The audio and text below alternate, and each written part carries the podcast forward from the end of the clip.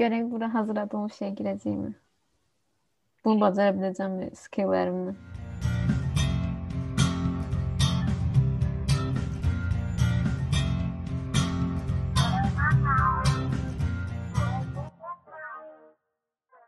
Okay, bugün Nirvana'nın Unitara albümündən danışacağıq.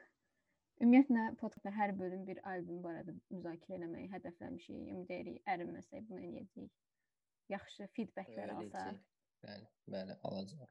Uğurlar, uğurlarımızın davamını gözləyirəm. İstəyirəm Bəli, Uniter albüm. Eynən, istəyirəm biraz Nirvana barədə çox qısa məlumat verim. Yəni bu podkastı dinləyən insanlar böyük ehtimalla az da olsa məlumatları var, ən azından Kurt Cobain-dən. Amma biraz Bəli. danışım ki, Nirvana ə, Seattle-da yaranmış 1985-ci ildə grunge ə, rock janrında işlər görmüş bir ə, qrupdur. Daha çox Pearl Jam, Soundgarden, Alice in Chains kimi ə, qruplarla oxşarlığı var. Vokal və gitaristi Kurt Cobain olub. Yəqin ki, bunu hamımız, yəni ən azından intiharı Yes. barədə eşitmişik. 27 klub hashtag və hal-hazırda Dave Grohl Foo Fighters-da, Chris Novoselic isə Civic ə, 75 qrupunda edir. Üstünüzə sağlıq. Foo Fighters-ın keçən həftə albomu çıxdı bir dənə. Eynən. Nəsə Me- Medicine at Midnight. Elə də fanı deyiləm Foo Fighters-ın. Amma maraqlıdır. Çünki drummer, drummer keçib vokalist və gitarist olmağı çox qəribədir və maraqlıdır. Amma heç dinləməmişəm. Məndə amma marağım var və indi bu gün Unitora'dan danışacağıq. Bu da 1993-cü ildə yayımlanmış. Üçüncü və son s- studiyo albomları. Və bu Ümumiyyətlə albom albomla necə tanış olmusan? Birinci bundan danışaq. Üm- albümün 2-3 dənə mahnısı var ki, ən ə, Nirvana'nın populyar mahnılarındandır da. Məsələn, ə, Heart Shaped Heart Shaped Box, Box. Me Dump, yəni bunlar ən məşhur. Burada şey gəlir. Mən albomla Budapeştdə olanda tanış olmuşdum. Nevermind-ı zaten bilirdim. Uniteron-da eşitmişdim, amma girməmişdim içinə. Qulağıma taxdım nauşniki, yüklədim Apple Music-dən. Düşdüm Budapeşt hissələrinə və başladım dinləməyə. Yoldan keçirəm Rape Me, ah, Rape Me falan. Özdə özdə səhər vaxtı idi, işıqlı gün idi. Çox qəşəng idi. Hələ də o xatirəmdə qalıb o günlər. Əslində işıqlı bir günəş Bəli. üstündə dinlənəcək belə çox pozitiv də bir mahnı deyil ritmi, amma yenə də. Ümumiyyətlə bu albom- bağlı da bir hekayə var ki, Kurt Cobain, yəni Unitero sözünü ə, həyat yoldaşı hamımızın çox Hə. sevdiyi Courtney Love Courtney Love şeiri. ə, jurnaldan nəsə oxuyurmuş və orada görüb bu sözü elə. Amma bu albüm ilk dəfə ə, adı bu ol olmayacaqmış. Bu amma albümün içərisində bir dənə var. Ə, I hate myself and want to die. Bu olacaqmış, amma sonra icazə verməyiblər ki, bu olsun adı. Yəni mahnının adına bax, sonra 1 il sonra da adam özünü öldürür. Yəni ümumiyyətlə bu albümdə çox İca- var, yəni özünü öldürməsi ilə bağlı əslində. Nevermind-da da var idi. Hamısında var. Məncə icazə verməyiblər. Yox, Krist Novoselic deyib ki, etmə eləmə də Kurt bunu atdı görsən, zibilə çıxacaq axırda. Əslində Məncə ona görə. Silikonların içində ən belə ağıllı görünən Hə. belə. Sanki hə. hamı hər şey eləmək istəyir. Chris qoymur ki, "Ya bir dəqiqə sakit olun." Lazım deyil. Serve the servant so now. Okay, indi treklərə keçək. Ümumi Yes. baxanda 12 trek var, bir dənə əlavəni saymasaq. Və bu sıra ilə bağlı mən mənə maraqlıdır. Məsələn, əlavə, əlavə dediyimiz kimi I hate myself and want to die. O yoxdur ki albom. Hə, Əlavə trek. Eynən. hə. Və bu Yox, o yoxdur. O şey var. Balance of rubbing alcohol flows through the strip. O bonus track o da şeylərdə getmişdi. Amerikadakı disklərdə yox idi. Avro international disklərdə bonus track kimi getmişdi. Orijinalda 12 track. və nə qədər insanlar düşünsə də ki, bu Hə- albümə çox pul xərclənilib. Əslində bu 8 gündə 24 min. Eynən dollarla hə, yəni yaradılmış bir albümdür və buna baxanda çox yaxşıdır. Yəni bu büdcə ilə onların Və, E, prodüser, prodüserə nə qədər pul verirsən? Bilirsən 100 min, 100 min dollar. o. Yəni bu işlədiyinə görə. işlədiyi bu albüm Amma albom prodüser 20 çox zəhmət verib deyəsən bu, yəni zəhmət çəkib bu albümü Hə, deyəsən. Çox hə. şey dəyişdirib və Məşhurdur Steve Albini. ə, Şey Pixies, Pixies'in Where Is My Mind var ya. Fight Club'da da gedir axırda. O albomun da prodüser olub. ən önəmli albomlardandır. Steve Albini 100 min və 100 min e, bir dəfəlik alıb çek kimi.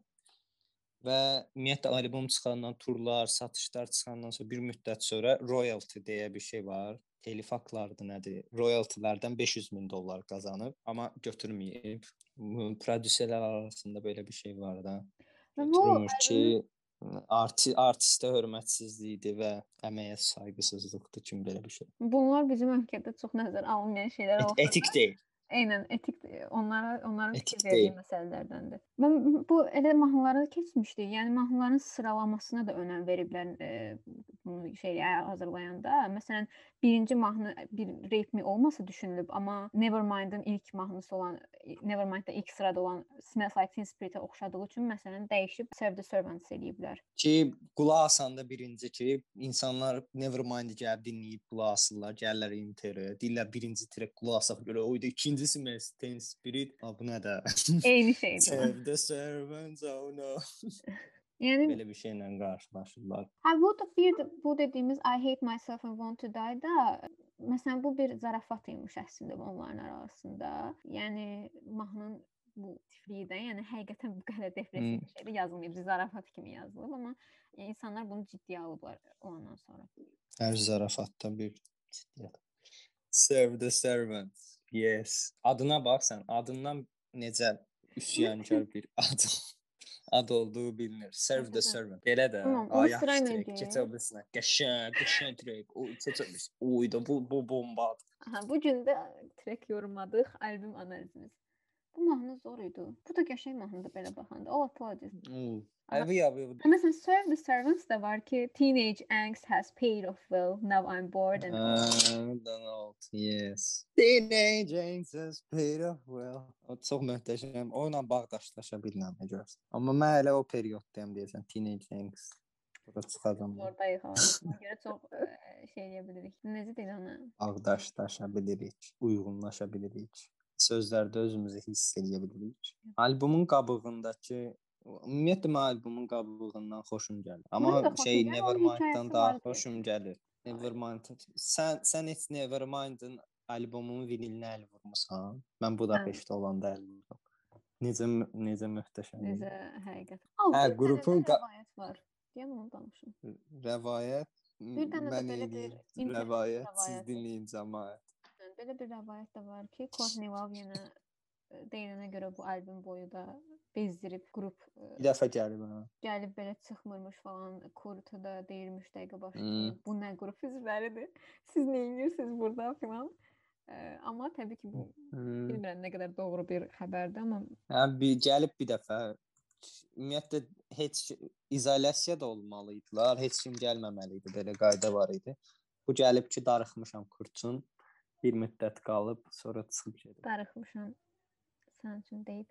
Darıxmışam. Gəlməyən Courtney. Bir də belə maraqlı bir hə, albom şərh. Hə. Deyir 25-30 yaşınızda Aha. gəlmiş olsaz da, yəni bu adamları dinləyə bilməsəz də, niyə də bu, bu izlənim niyə var? Mənə çox maraqlıdır. Bilmirəm niyə var. Çünki məncə yetəri qədər 25-30 yaşlı Nirvana dinləyicisi var. Amma yenə də deyirlər ki, daha çox gənc gənc yeniyetmələri dinləyib albümü. Yəni, Deyir 25-30 yəni. yaşına gəlmiş olsaz bunu bu adamları dinləyə bilməsəniz də bu albümü arada açıb dinləyib çıldırmalısınız. Mənim ən sevdiyim treklərdən biri Dumb idi. Dumbda o string kvarteti var. Necə idi? I'm dumb. Dərərərə. idi. Dumb'un da mövzusu e, Ignorance is Bliss mövzuludur. Mən də buna çox üzərinə düşündüyüm mövzulardan da doğrudan da bu belədir. Ignorance is bliss, yəni cahillik xoşbəxtlikdir. Və e, Nirvana da reportajlarından birində Kurt Cobain bu trek barəsində deyir bəs mən insanlar görürəm, bəzi insanlar, I've met some dumb people. Uh, onların sevgililəri yoxdur, sosial həyatları yoxdur, işləri zibil kimidir, həyatlarında bir şey başara bilmirlər, amma nədənsə xoşbəxtlər. Və bu trek, yəni belə çox yazılması bir mənası yoxdur. Promo direkt mesaj verir ki, I'm not like them, but I can. Və bu mövzuda. Yes. Onlar kimdə eləməməli. I think I'm the I'm just happy. I'm just happy. And I'm just Burada happy. bir dənə mahnını qoşuram, bağlayırıq. Sonra o ən axırıncı trek, son son trek, əsl son trekə yaraşacaq trek. All Apologies. Akustikdir. Bu albomda çox az gördük bu akustik treklər. All Apologies əfsanədir. Ümumiyyətlə o deyirlər, Abbey Road, e, Beatles-ı Beatles-ın sağollaşma albomu Abbey Road idi. Yəni normal sağollaşıb getdilər. Yəni birdən-birə qutarmadı. Məncə hələ Kurt Cobain də hələ burdan sağollaşmağını göstərib çıxıb getmişdi. İnsanlara yəni all apologies, o giriş var idi. What else should I be? All apologies. Əfsanə. Yəni, intihar modundasısa dinlənməsi direktdir. Əksinə dinlənilməsi. Ümumiyyətlə intiharı meyli olan insanlar məncə bu albümü dinləməsin. Ya da dinləyirlərsə ingilis dili bilməyən, sözlərinə fikir verməyəcək insanlar dinləsin, çünki depressiyaya salır məncə. Bunun ondan əvvəlki trek, Tourette. Tourette, Tourette ümumiyyətlə Tourette sindromu var. Şeydir, tik tik, tik dediyimiz şey var ya o. Aha. Fiziki tik, nə bilim danışanda tikləri olur. Tiki olan adam Tourette sindromu. O adı elədir, amma mahnıda əlaqəsi yox deyəsən. Moderate Rock. Ondan əvvəlki Radio Friendly Unit Shifter. Biz axırdan əvvələ gəldik də biz biraz özümüz biz ki conventionala qarşı gedən insanları. Radio Unit Friendly Unit Shifter haqqında heç nə danışmaq istəmirəm. Ümumiyyətlə heç nə. Niyə Mənim diqqətimi cəlb ən uzun müddətli, yəni 4 dəqiqə 50 saniyə olan mahnısıdır. Amma bir rave mi 2 dəqiqəlik mahnı deyil, təəssüf. Yəni hər halda bu bizim düşüncəmizdir, yəni. Hate your enemy, save your friends. Ondan əvvəlki isə Penny Royalty var. Bu başqa məsələ. Bu akustik idi, yadımda deyil, deyildi, yadımda deyil. Olub olmamağı ən sevdiyim treklərdən. Amma sit and drink Penny Royalty. O verse sakitcə oxuyur, belə yavaş-yavaş ölürlər. Sonra nəqarətdəcə sit and drink Penny Royalty. Still the light inside of me. Əfsanədir Penny Royalty. Bu şeydən bu Penny Royalty ilə All Apologies MTV Unplugged oxumuşdular. Əgər Kurt Cobain MTV Unplugged-da hansısa mahnını oxuyubsa, deməli o mahnını da oradan da sevir. Yəni orada çox yorğun idi və yəni o canlılarda həmişə sevmədiyi mahnıları ignor edir. Məsələn, hamı qışqırır ki, Smells Like Teen Spirit, Dan Dayna, bunu çal Dayna. Amma deyir ki, yox da yox. Məncə nəm All Apologies çalırdı. Nəm Jeb David Bowie-nin The Man Who Sold the World'u çalırdı. Nəmcə başqa blues mahnısı var. Where Did You Sleep Last Night? Əlaqəsiz də o şey. Xeyr, mənim ən sevdiyim mahnıdır. Xahiş edirəm, buna bir söz. Yəni yox, mənim də. Mən MTV Unplugged, yəni Ümumiyyətlə 3 albom var, Nirvana. Yəni o bu 3 albomunu dinləməkdənsə Bleach, Nevermind, Initiri GB MTV Unplugged. MTV Unplugged. Efsanə. Həqiqətən elədir. Çünki çox möhtəşəm performansdır. Adam nə qədər yorğun görünsə də olsa da bəlkə hə. o qədər gözəl performans və o Where Did You Sleep Last Night videosunda axırda belə baxır kameraya, belə gözləri açılır falan. Çox xoşuma gəlir ümumiyyətlə o video mənim. Amma səs vokal cəhətdən artıq ölüb orada Kurt. Səsi detone olur konkret. Bilmirəm, o əslində onun tərzi elədi, yəni. Grunge rockdan onsuz da elə şeylər yaşanırdı. Bu detone kimi deyil ki, mən, mən elə düşünürəm. Yəni məncə detone olmayıb. Onun oxumaq Şeydə baxmışdım. E Emre Yücələn var. Hə, şey, vokalda. O deyirsə elət də, sən də ki. o elə The Man Who Sold the World-u analiz eləyirdi və səs, yəni ancaq bu kişinin dediyi söz oldu ki, bunun səsi nə pis detone olub ha. Doğrudan da yəni, hiss olunur da detone olunur. Yəni onların yaşam tərzi də elə də narkotik, qışqıraraq oxumaq, adamın qarın ağrısından ölürdü də. E, Yenə də əslində o depressiyalardan biri odur. Hə, mən onun haqqında oxuyanda da onun hə. depressiyasına səbəb olan xəstəliklərindən biri də. Yəni adamın əslində o qədər asan bir həyatı olmayıb, xəstəliklə yəni hə. mübarizə aparıb, həm də həyat yoldaşı ilə problemləri olub. Ona o görə güya da ona, ona görə qərayına başlayıb qarın ağrı elə yazıb dəftərində. Güya da aynı. Yaxşı, inandım Kurt. Tamam tamam. Hadi geç bu geç bu şeyler ya. Kurt Cobain fanları. Milk It. Bundan əvvəl, Penny Royal'dan əvvəl Milk It. Milk It də çox qəşəngdir. Yenə də verse-lərin sakit, nəqarətlərin qışqırılaraq dediyi tracklərdən biridir. Hələ əslində bu insanların ə, Nirvana qrupuna vokalı ilə bağlı fikir bildirməkləri mənim o qədər xoşuma gəlmir. Çünki adamların məqsədi təmiz vokal eləmək olmayıb. Yəni bu Jeff Buckley deyil ki, sən oturub ondan belə o möhtəşəm vokal sən dinləmədiyin bir tərz oldu, no comment. Amma dinləmişəm. Hallelujah. Hallelujah. Aslında o da, o da onun ən Nəysə biz niyə Nirvana'dan Jeff Buckley-yə keçdiksə, yəni o bu adamlara tərz var. Yəni təmiz vokal deyil, çirkli vokaldır və zaten elədikləri tərz grunge-dır. Grunge da təmiz vokal tələb eləmir. Detonik olmaq kimi. Yəni, yəni problem deyil. Məncə fəlsəfələr də grunge-ın odur ki, əsas texnikalite deyil, keçirdiyin hissdir. Şey deyir ki, Kurt Cobain deyir ki, mahnının musiqi hissəsini 30 saniyədə yolda gələndə yazdım.